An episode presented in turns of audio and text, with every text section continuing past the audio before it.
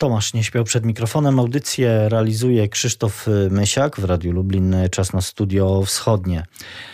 E, dziś naszymi gośćmi są e, Marlena Gołębiowska z Katedry Ekonomii Międzynarodowej Instytut Ekonomii i Finansów KUL, starszy analityk w Zespole Bałtyckim Instytutu Europy Środkowej w Lublinie. Dzień dobry. Dzień dobry. I dr Łukasz Lewkowicz z Zespołu Wyszehradzkiego Instytutu Europy Środkowej w Lublinie oraz Instytutu Nauk e, o Polityce i Administracji UMCS. Dzień dobry. Witam serdecznie. Dziś porozmawiamy o Trójmorzu. Za nami szczyt inicjatywy e, Trójmorza w Rydze. E, szczyt, który odbyło się w kontekście, w cieniu trwającej wojny e, na Ukrainie. Nie jest to oczywiście zaskoczenie, bo przygotowania do tego szczytu też o tym wprost mówiły i na początek chciałem zapytać Państwa o, o te najważniejsze, w trakcie naszej rozmowy pewnie je rozwiniemy, najważniejsze ustalenia szczytu.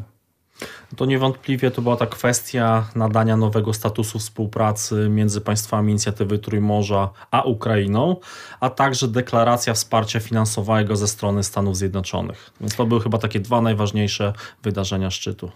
Y, Trójmorze otwiera swoje ramiona dla y, Ukrainy, mm, mówił podczas y, tego szczytu prezydent Andrzej Duda. Wtórował mu zresztą prezydent Łotwy, który mówił, Europa nie jest kompletna bez Ukrainy. Mm, co zatem oznacza, tutaj zwrócę się do pana doktora Lewkowicza, nadanie statusu partnera uczestniczącego. Pytam też w kontekście tego, że wiele mówiono przed tym szczytem o tym, że Trójmorze jest, y, y, czy otwiera się, ale że, że jest gotowe, czy, czy chce włączenia e, do swojej e, struktury Ukrainy. E, no tak się oczywiście nie stało y, i, i pytanie, czy jest to jakiś rodzaj rozczarowania, czy, czy, czy po prostu inaczej być nie mogło i, i, i mimo wszystko to zaproszenie i nadanie tego statusu Ukrainie jest jednak sukcesem.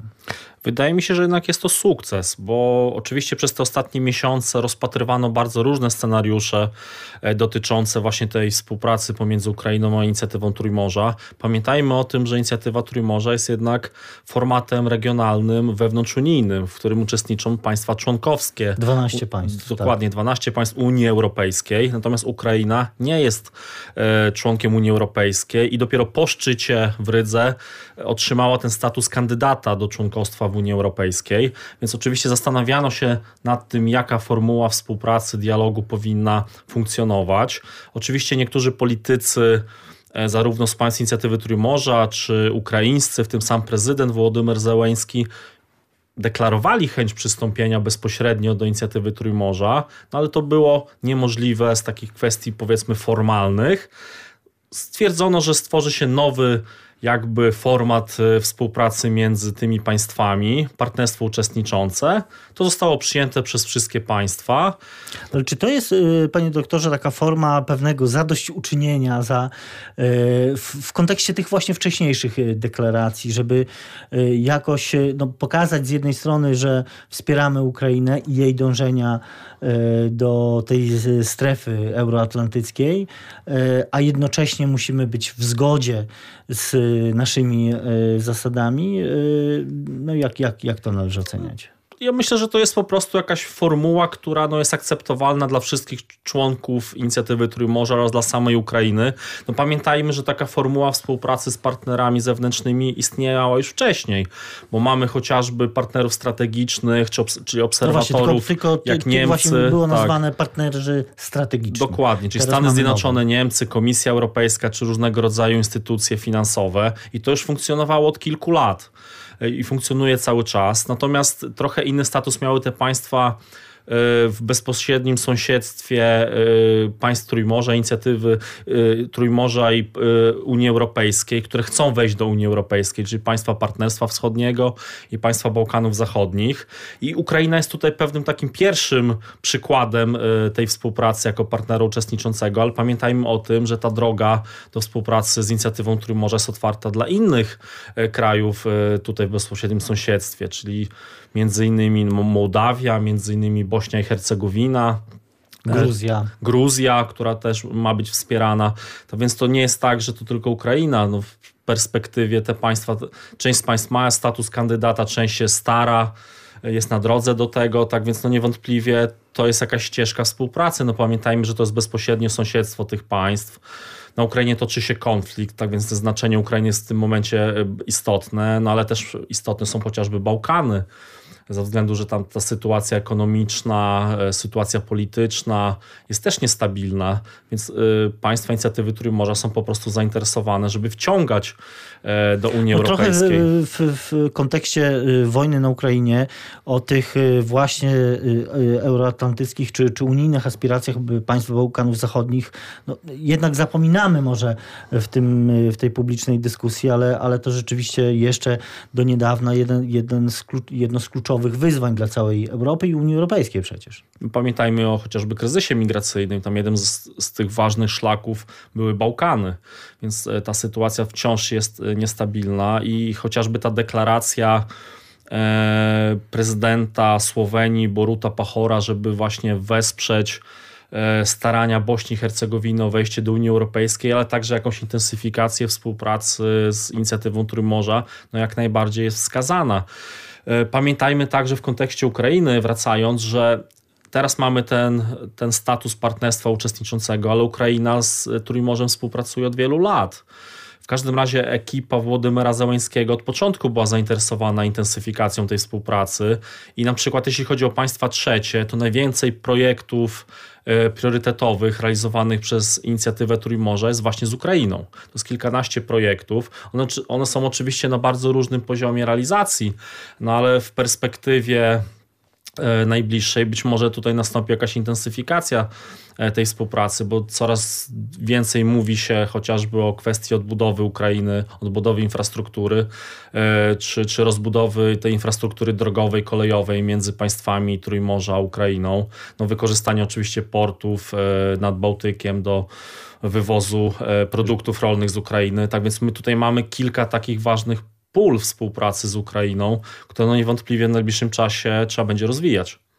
Y, tych projektów y, y, jest i, pewnie będzie jeszcze wiele, ale pan doktor wspomniał o tym zaangażowaniu amerykańskim. To zapytam tutaj, do, do, kieruję pytanie do pani Marleny Gołębiowskiej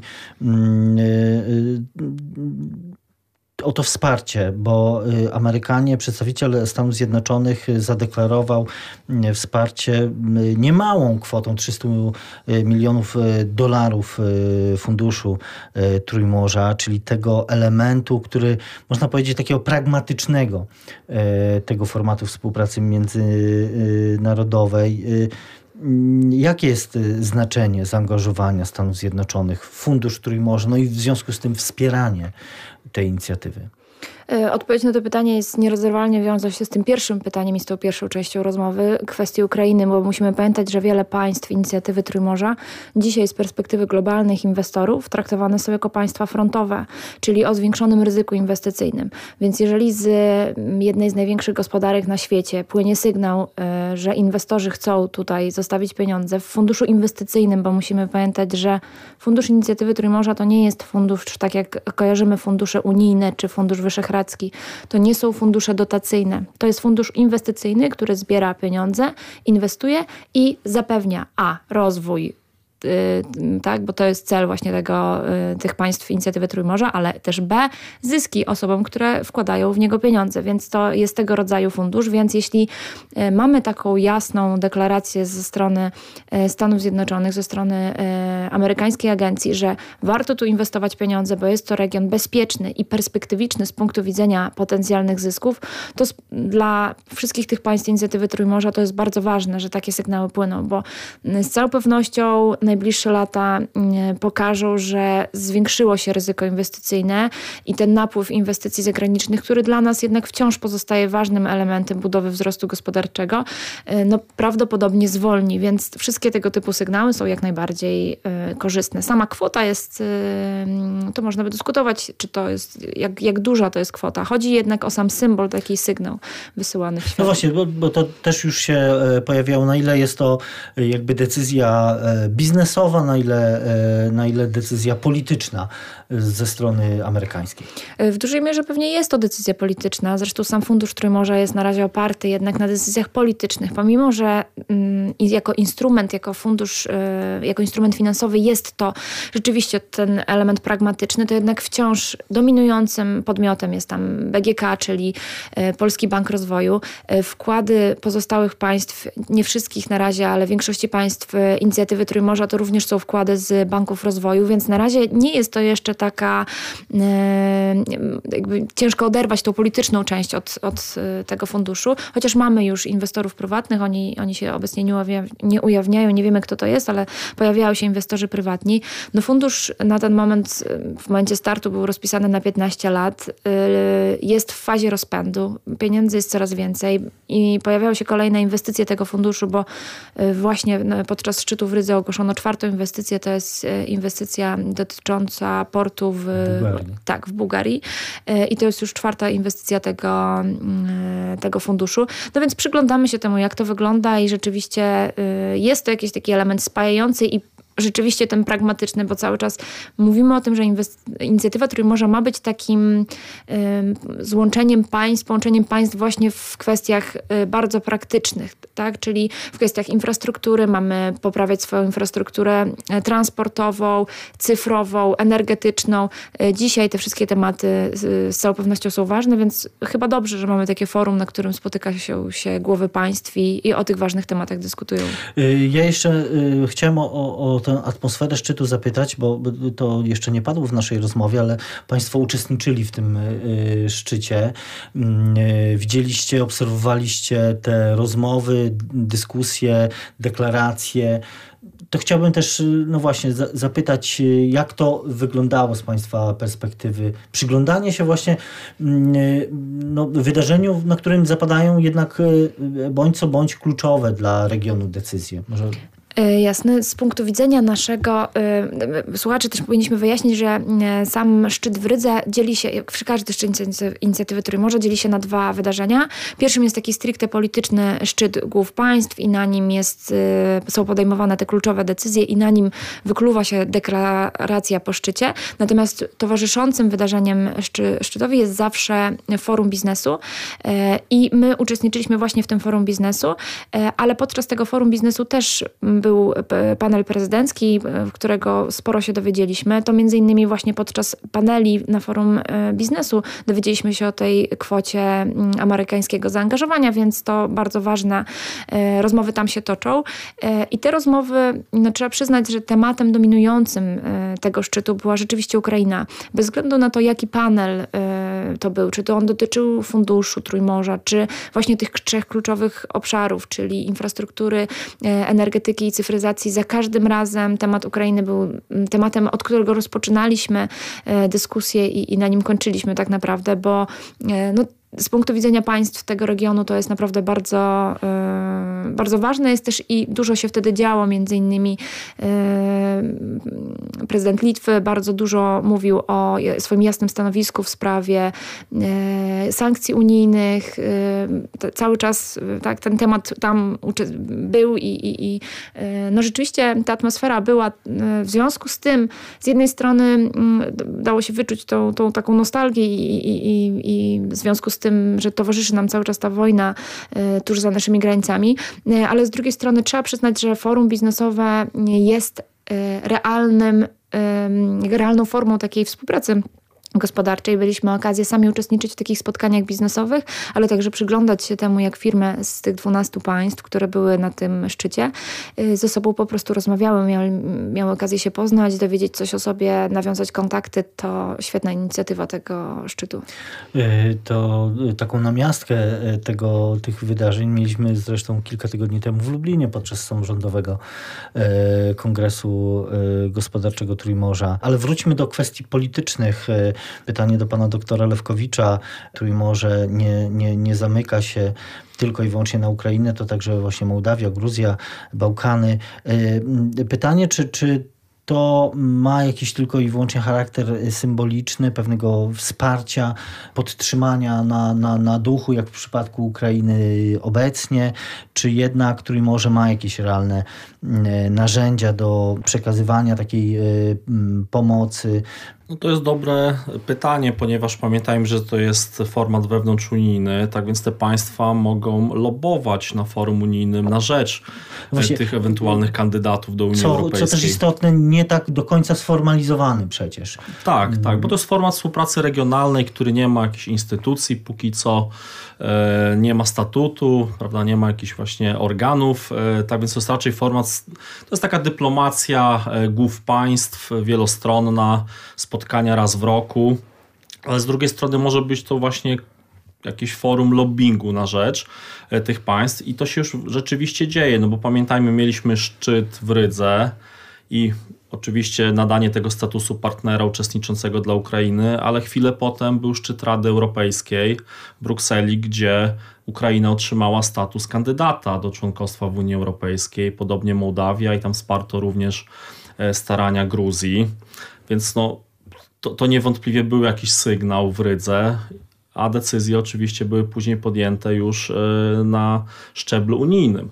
E, oczywiście kwestia konkretnej jakiejś pomocy to jest pytanie otwarte, bo pojawiały się różne pomysły, żeby na przykład w ramach funduszu inwestycyjnego jakąś specjalną ścieżkę finansowania dla Ukrainy powiedzmy wykroić, no ale tak jak tu Marlena trochę wspominała, e, też wiemy o tym, że ten fundusz jest cały czas rozwijany. On nie ma też za dużo pieniędzy, jest jeszcze niedokapitalizowany. E, tak więc pewnie tutaj byłoby trudno coś e, Ukrainie konkretnego pomóc, ale z drugiej strony może być pomoc bilateralna poszczególnych państw inicjatywy Trójmorza w odbudowie i co ważne, no wykorzystanie różnych funduszy unijnych do ewentualnego wsparcia Ukrainy. E, bo my często właśnie kojarzymy inicjatywę Trójmorza głównie z funduszem inwestycyjnym, natomiast tak naprawdę większość tych projektów infrastrukturalnych, które są na terenie E, państw inicjatywy Trójmorza realizowanych, to są, to są projekty realizowane z funduszy unijnych, ewentualnie funduszy unijnych z udziałem e, środków krajowych. E, drogi, e, prawda, jakieś połączenia energetyczne. I to jest chyba jakiś... I to nie jest e, tak, że to są projekty, które od A do Z dotyczą wszystkich 12 no państw. tak, tak. prawda? tak. Znaczy tutaj nie ma niestety, nie udało się takiego projektu, który by objął 12 państw. No chyba takim największym projektem i często wymienianym jako sztandarowy jest Via Carpatia, ale on też nie dotyczy wszystkich państw, tylko tej wschodniej części powiedzmy inicjatywy Trójmorza. No Wiemy to... też, że, że, że podejście poszczególnych państw do realizacji mhm. akurat tej, ale też innych inwestycji jest różne, bo nie każdy ma ten sam interes, żeby w ten sam sposób i z takim samym zaangażowaniem wspierać y, konkretne y, akurat projekty. Właśnie no. w przypadku Via Carpatii, no to wystarczy spojrzeć na mapę i zobaczyć, że, że, że choćby y, Czesi nie, nie wcale nie, mus, nie, nie muszą no być... Tak, bo, bo, bo, przez ich terytorium nie, nie przebiega, prawda? No Austria też pewnie nie jest zainteresowana, bo ma świetną infrastrukturę, autostrady i też jakby y, bezpośrednio ta inicjatywa nie dotyka. Z drugiej strony no mamy Słowację, która powinna być zainteresowana budową swojego odcinka Via Carpatii, a idzie tam to bardzo powoli, mimo że to nie jest jakiś duży odcinek, z tego względu, że na Słowacji chociażby priorytetem są te połączenia wschód-zachód, czyli z Bratysławy na wschód e, kraju. No w Polsce, jak widzimy, poszczególne fragmenty Via Carpatii są co chwilę otwierane, tak więc u nas to idzie dosyć szybko, a to jest dosyć duży e, fragment, ale faktycznie no, różne państwa różnie podchodzą do tych projektów. E, pewnie bardziej e, szybciej są realizowane projekty, które mają charakter bilateralny, czyli jakieś dotyczące co najmniej dwóch państw no mamy też chociażby te projekty różnego rodzaju e, energetyczne, tak jak interkonektor Polska-Litwa, interkonektor Polska-Słowacja i to, to jest jakby już, to już one są właściwie na ukończeniu w tym roku, czy, czy zostaną już wkrótce otwarte, czy już zostały otwarte, więc tutaj jest może jakaś taka większy potencjał do, do współpracy. O tym projektach energetycznych także była mowa na, podczas szczytu i myślę, że też będzie okazja do tego, żeby wrócić do tego wątku, ale to już w kolejnej części naszej rozmowy. Ja przypomnę, dziś gośćmi Studia Wschodniego są Marlena Gołębiowska z Katedry Ekonomii Międzynarodowej w Instytucie Ekonomii i Finansów KUL i starsza analityk w Zespole Bałtyckim Instytutu Europy Środkowej w Lublinie i także z Instytutu Europy Środkowej. Jest z nami dr Łukasz Lewkowicz i jest też reprezentantem Instytutu Nauk o Polityce i Administracji UMCS. Do naszej rozmowy w Studiu Wschodnim wracamy za kilka chwil. Studio Wschodnie. Studiu Wschodnim wracamy do rozmowy. Dziś, e, przypomnę, naszymi gośćmi są e, Marlena Gołębiowska e, z Katedry Ekonomii Międzynarodowej KUL i Zespołu Bałtyckiego Instytutu Europy Środkowej w Lublinie i dr Łukasz Lewkowicz, także z Instytutu Europy Środkowej w Lublinie i Instytutu Nauk o Polityce i Administracji UMCS. Rozmawiamy o Trójmorzu, także w kontekście za, zakończonego szczytu Trójmorza, inicjatywy Trójmorza w Rydze. To może wróćmy do kwestii ekonomicznej Y, y, pani Marlena mówiła o y, funduszu, to jest fundusz, który został zainicjowany przez BGK, ale kto może inwestować w ten fundusz?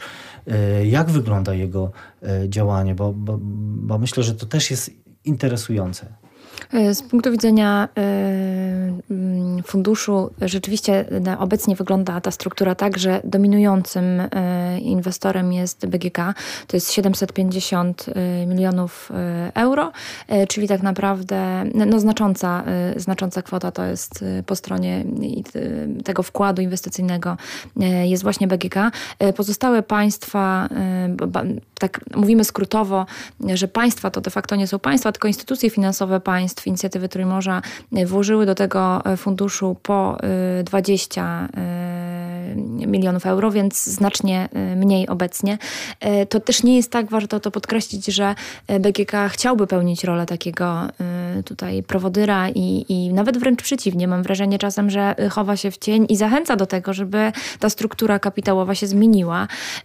No mamy teraz znaczące zaangażowanie. Pamiętajmy też, że na razie to jest deklaracja, bo, bo no właśnie, finansowe tak. pieniądze jeszcze się nie pojawiły, zadeklarowano ten y, udział finansowy, więc czekamy jeszcze na finalizację taką w praktyce tego. Natomiast y, rzeczywiście jest tak, że mm, funduszowi zależy też na tym, żeby zachęcać inwestorów prywatnych, czyli po prostu osoby, które widzą potencjał w, mając swoje pieniądze własne, widzą potencjał w w tym, żeby zainwestować właśnie w ten fundusz, tak? Mając do wyboru bardzo wiele różnych e, instrumentów finansowych dostępnych obecnie na rynkach finansowych, żeby ten fundusz, e, w ten fundusz zainwestować. To nie jest łatwe e, zachęcanie, bo tworzenie takich nowych e, e, instrumentów finansowych trwa e, i, i, i, i, budowanie takiego zaufania wśród inwestorów też.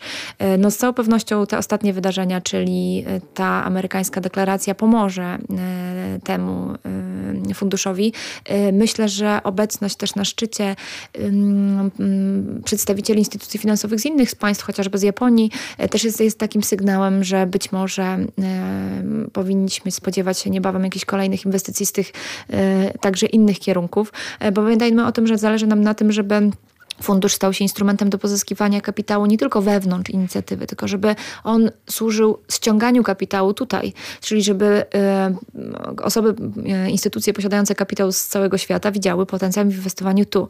To jest trochę tak jak z azjatyckimi tygrysami. Ten region ma taką ambicję, w pewnym momencie nawet było takie porównanie, że tak. mieliśmy takie ambicje, żeby stać się tak, takimi tygrysami europejskimi, bo rzeczywiście był moment, w którym państwa inicjatywy Trójmorza zdecydowanie szybciej rozwijały się niż Europa Zachodnia e, i był ten potencjał spory.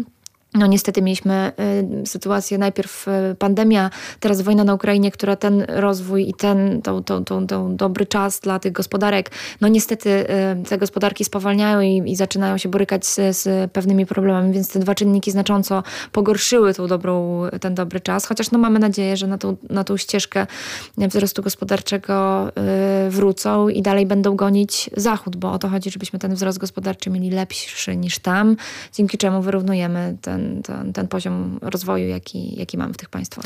Y, oczywiście to wsparcie, no właśnie to, to, to takie polityczne, y, trochę symboliczne, ono jest ważne, jak w przypadku teraz tego wsparcia amerykańskiego, chociaż to nie jest też tak, że to jest jakaś nowa inicjatywa, bo Amerykanie oczywiście o funduszu, o, o, Trójmorzu wypowiadali się już od dłuższego, od wielu lat y, bardzo pozytywnie. Zresztą nawet na poziomie Kongresu Amerykańskiego było udzielone konkretne wsparcie i, i dla inicjatywy i, i też to zaangażowanie funduszy Trójmorza y, y, i to na poziomie obydwu opcji politycznych w Stanach Zjednoczonych, prawda? Tak, jak najbardziej. No i rzeczywiście było tak, że była, pojawiały się nawet pewne kwoty już tak. i znów były to deklaracje, tylko one się wtedy nie zmaterializowały. Ta ma się zmaterializować już niebawem i tak nas zapewniano na szczycie. Jak będzie, oczywiście będziemy się przeglądać.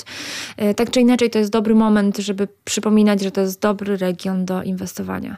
Więc cieszymy się z tych sygnałów. Miejmy nadzieję, że wszyscy po prostu na tym skorzystamy. Trochę tak przerwałem w tym naszym pierwszym, y, pierwszej części rozmowy panu doktorowi y, te kwestie energetyczne, które także były jednym z y, elementów dyskusji i rozmów podczas szczytów Trójmorza w Rydze. No właśnie, jak, jak państwa e, Trójmorza radzą sobie z realizacją tych projektów energetycznych, bo, bo one czasami no, obok tych infrastrukturalnych są często stawiane jako ten przykład dobrej współpracy, wymieniony właśnie mm, po po, połączenia e, choćby gazowe między Polską a Słowacją na ukończeniu. Zdaje się w lipcu już mają e, e, zostać zakończone tam e, e, prace. No niewątpliwie ta kwestia bezpieczeństwa energetycznego ona była obok Ukrainy tym dosyć istotnym elementem. Ale ona także ze sprawą ukraińską też się wiąże przecież, bo Dokładnie. dzisiaj wiemy, że rozwiązania energetyczne i też budowanie samodzielności energetycznej dla Ukrainy bez Rosji y, jest dzisiaj ogromnym wyzwaniem dla tego państwa, ale także dla wszystkich państw regionu w związku z tym. No niewątpliwie ten konflikt na Ukrainie przyczynił się do przyspieszenia działań państw inicjatywy na rzecz odcięcia się od dostaw gazu czy ropy od Rosji, ale właśnie także przyspieszenia dywersyfikacji kierunków zakupu węglowodorów, bo to w różnych państwach bardzo różnie wyglądało, jak wiemy. Polska była dosyć zaawansowana, jeżeli chodzi o kwestię dywersyfikacji, ale wiele państw, jako przykład można podać Węgry, one były w dużym stopniu albo właściwie prawie całkowicie uzależnione e, od energii e, z Rosji. Oczywiście tu pamiętajmy o tym, że pewne decyzje dotyczące odcinania się od Rosji zostały podjęte na szczeblu ogólnounijnym. Pamiętajmy o tych poszczególnych e, sankcjach, które są cały czas przyjmowane od początku agresji Rosji na Ukrainę. Ale jeśli chodzi o stricte Trójmorze, no to niewątpliwie przyspieszenie nastąpiło. E, jeśli chodzi o tą współpracę na linii północ-południe, czyli właśnie odłączenia się od Rosji na rzecz tych połączeń między Bałtykiem a Adriatykiem czy Morzem Czarnym. No, ja podaję ten przykład e, interkonektora Polska-Słowacja, bo on jest bardzo namacalny, bo będzie, on zacznie funkcjonować w lipcu, prawda? Czyli to jest taka bardzo świeża sprawa. On już technicznie został oddany do użytku, był sprawdzany, teraz ma ruszyć i on w dużym stopniu też pomoże Słowacji na zwiększenie dywersyfikacji dostaw gazu, bo Słowacja miała też, ten sam problem co Węgry. Tak, e, tak więc to jest bardzo, e, bardzo istotny projekt. No i wspomniany wcześniej polsko-litewski gazociąg GIPL, który, który oficjalnie został otwarty na początku maja tego roku, tak więc też te połączenia z państwami bałtyckimi jeśli chodzi o gaz, umożliwi.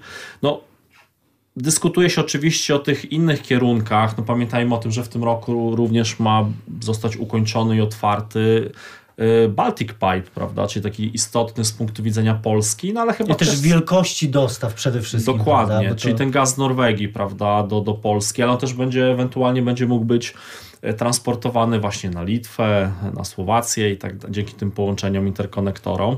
Więc miejmy nadzieję, że to zacznie funkcjonować w październiku i bez jakichś przeszkód. E, cały czas też kraje szukają tych nowych kierunków. No, na Słowacji to właśnie Norwegia, Katar, prawda, jakieś porty LNG, kwestia rozbudowa portów LNG, o tym też rozmawiano, o Świnoujściu, o e, Trójmieście, o wyspie Kyrk w Chorwacji. Rozmawiano również, e, czy, czy powrócono w tych rozmowach międzyrządowych między Polską a Republiką Czeską do uruchomienia polsko-czeskiego gazociągu Stork 2 którym się wcześniej mówiło, to zostało przerwane i ta nowa ekipa rządowa e, w Republice Czeskiej premier Fiala jakby powrócił do, do tej koncepcji, żeby również z Polską te połączenia gazowe tworzyć. Więc tam y, na szczycie dyskusja trwała, żeby jakby dywersyfikować i znajdować nowe kierunki zakupów i odcinać się od Rosji, co jest jakby nieuniknione w kontekście sankcji energetycznych nakładanych przez Unię Europejską.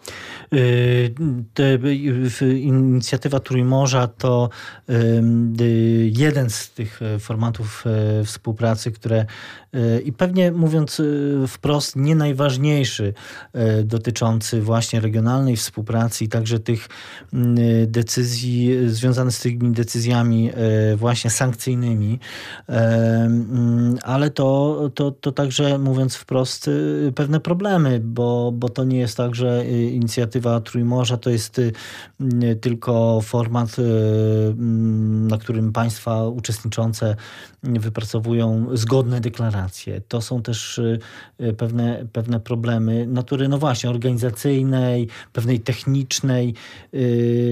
Jakie są te najważniejsze jakby przeszkody, które no, które jakoś hamują rozwój inicjatywy Trójmorza, czy nie pozwalają jej powiedzmy podejmować jakby bardziej konkretnych, czy, czy y, takich pragmatycznych y, decyzji. No i może ważniejsze pytanie, czy, czy jest szansa na to, że uda się w jakiejś najbliższej przyszłości y, te, te, te problemy, te przeszkody rozwiązać y, dla sprawniejszego funkcjonowania Trójmorza? To ja zacznę może tak, odpowiadając na pytanie pana redaktora, bo teraz mieliśmy dyskusję, kto będzie organizatorem kolejnego szczytu. Ostatecznie no wiemy, że Rumunia. Wiemy, że Rumunia, czyli po raz, po raz drugi kolejny. to samo no państwo, tak? Czyli to jest ciekawe. Dlaczego? Dlaczego te państwa, które nie organizowały szczytu, tego nie robią? Bo jest kilka państw, które tego jeszcze nie zrobiły. No, Republika Czeska, tak. Słowacja, Węgry czy Austria. Oczywiście są różne argumenty, y, dlaczego te państwa nie. No Litwa na przykład dlatego, że po raz kolejny państwo bałtyckie. Republika Czeska, bo będą wybory prezydenckie i tak zwany stary prezydent nie chce, może podejmować decyzji, która będzie wiązała nowego prezydenta. No, na Słowacji jest jakiś brak zainteresowania chyba politycznego ze strony y, pani prezydent Czaputowej.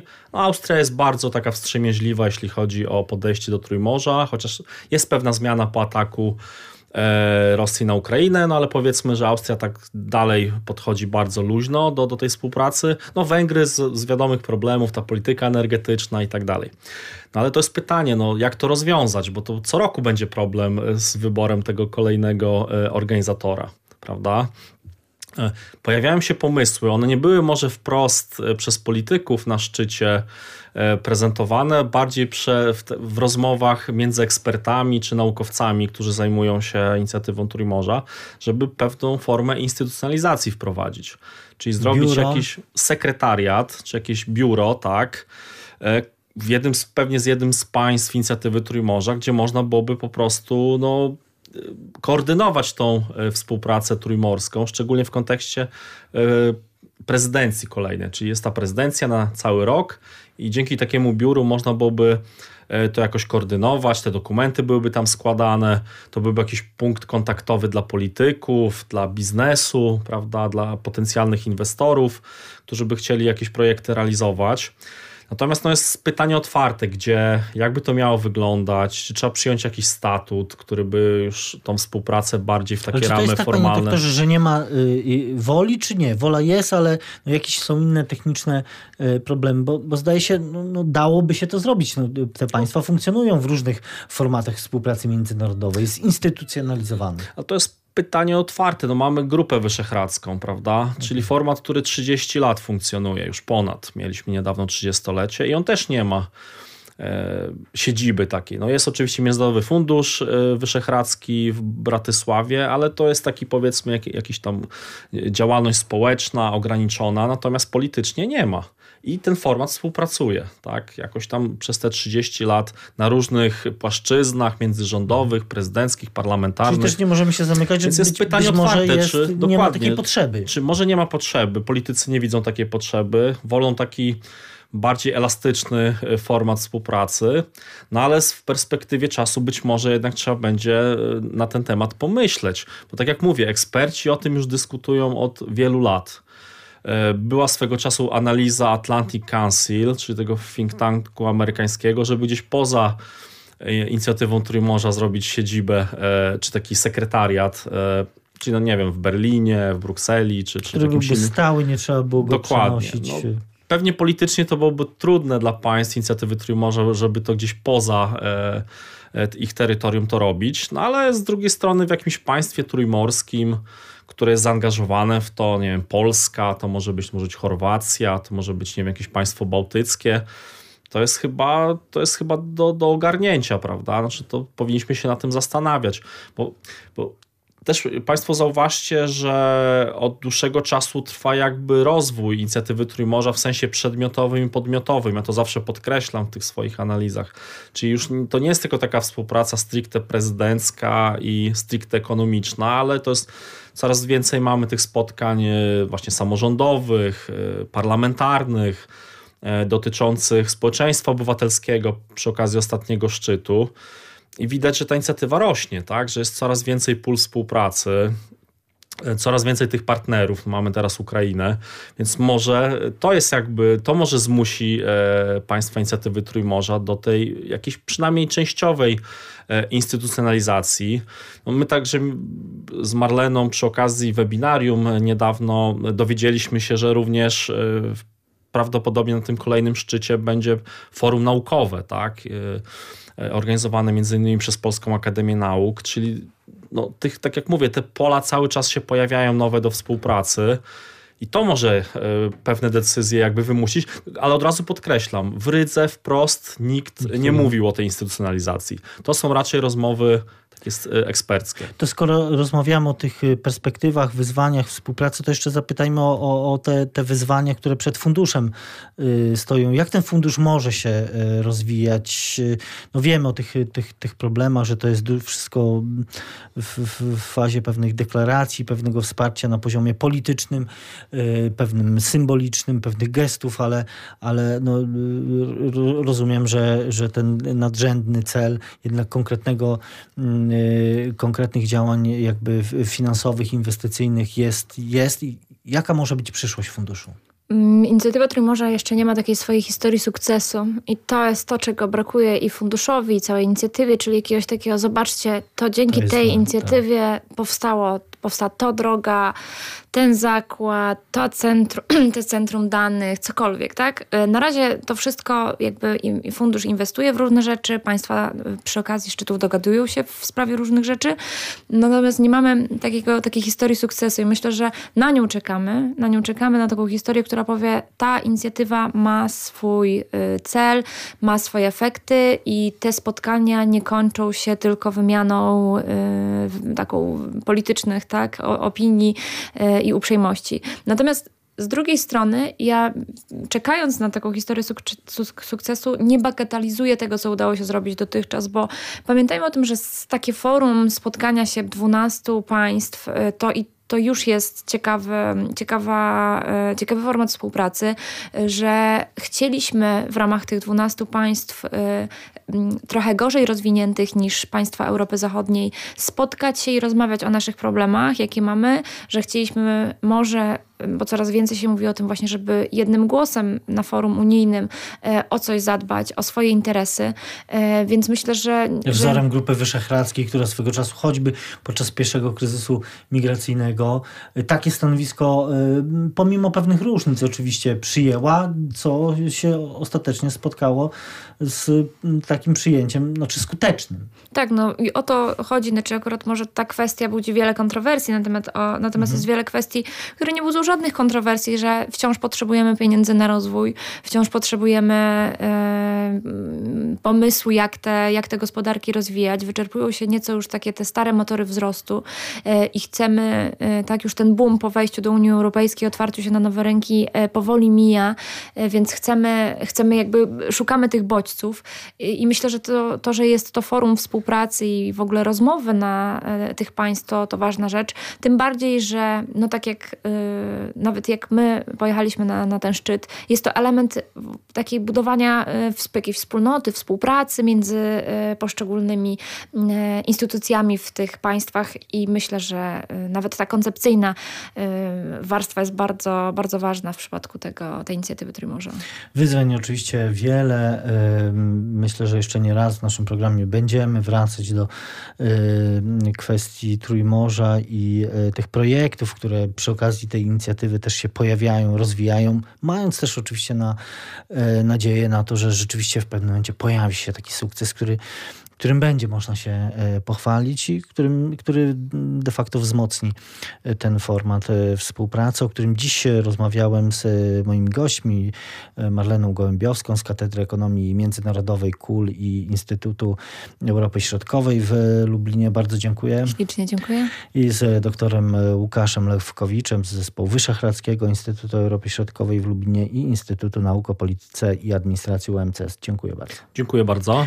I to wszystko w naszym programie na dzisiaj. Za uwagę dziękuję e, Tomasz Nieśpiał i Krzysztof Mysiak. Studio Wschodnie wraca na antenę Radia Lublin za tydzień. Do usłyszenia w następną niedzielę po godzinie 14.